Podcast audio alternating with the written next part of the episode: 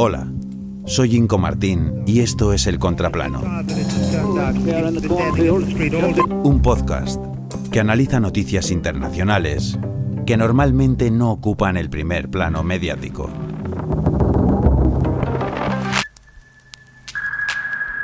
Martillazos a la Venus.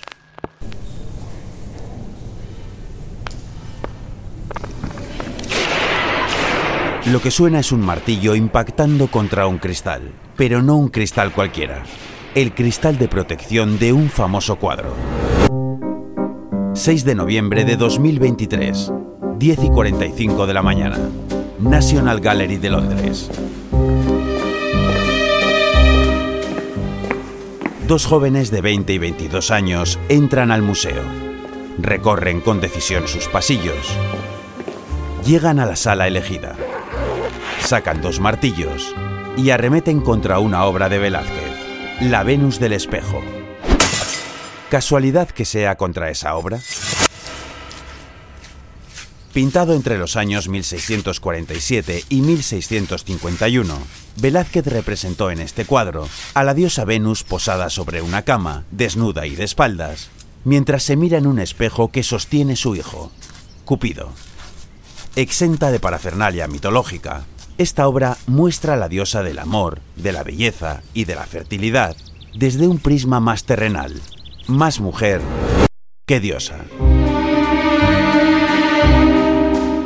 Se da la casualidad de que no es la primera vez que esta Venus sufre un ataque. En 1914 se llevó siete cuchilladas. Al cuchillo, Mary Richardson he intentado destruir la pintura de la más bella mujer de la historia de la mitología, como protesta contra el gobierno por destruir a la señora Pankhurst, la persona más bella de la historia moderna. Emmeline Pankhurst fue una activista política británica y líder del movimiento sufragista, pieza clave para que las mujeres lograsen el derecho al voto en Gran Bretaña allá en el año 1918. ¿Qué buscaban los nuevos agresores de la Venus del espejo? En sus camisetas pone Just Stop Oil, el nombre de una organización contra las energías fósiles conocida por este tipo de acciones. Una organización cuyo eslogan dice, No es momento de palabras, es momento de acciones.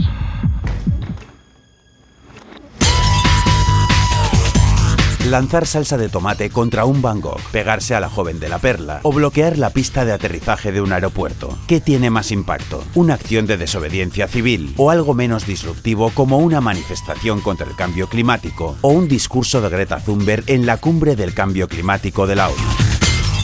Según un estudio de la Universidad de Oxford, las acciones más extremas, esas que promulgan organizaciones como Just Stop Oil o Let's the Generation, provocan un aumento en el apoyo social hacia organizaciones más moderadas, pero que al fin y al cabo defienden lo mismo.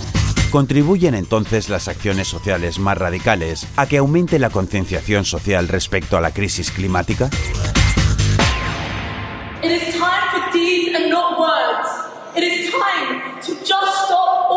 Los jóvenes del martillo denunciaban las nuevas licencias que el gobierno británico ha concedido para exploraciones y perforaciones en el Mar del Norte a la búsqueda de hidrocarburos, saltándose con ello los compromisos climáticos, esos que con gesto de orgullo y de deber cumplido proclaman los líderes mundiales cuando finalizan las cumbres climáticas.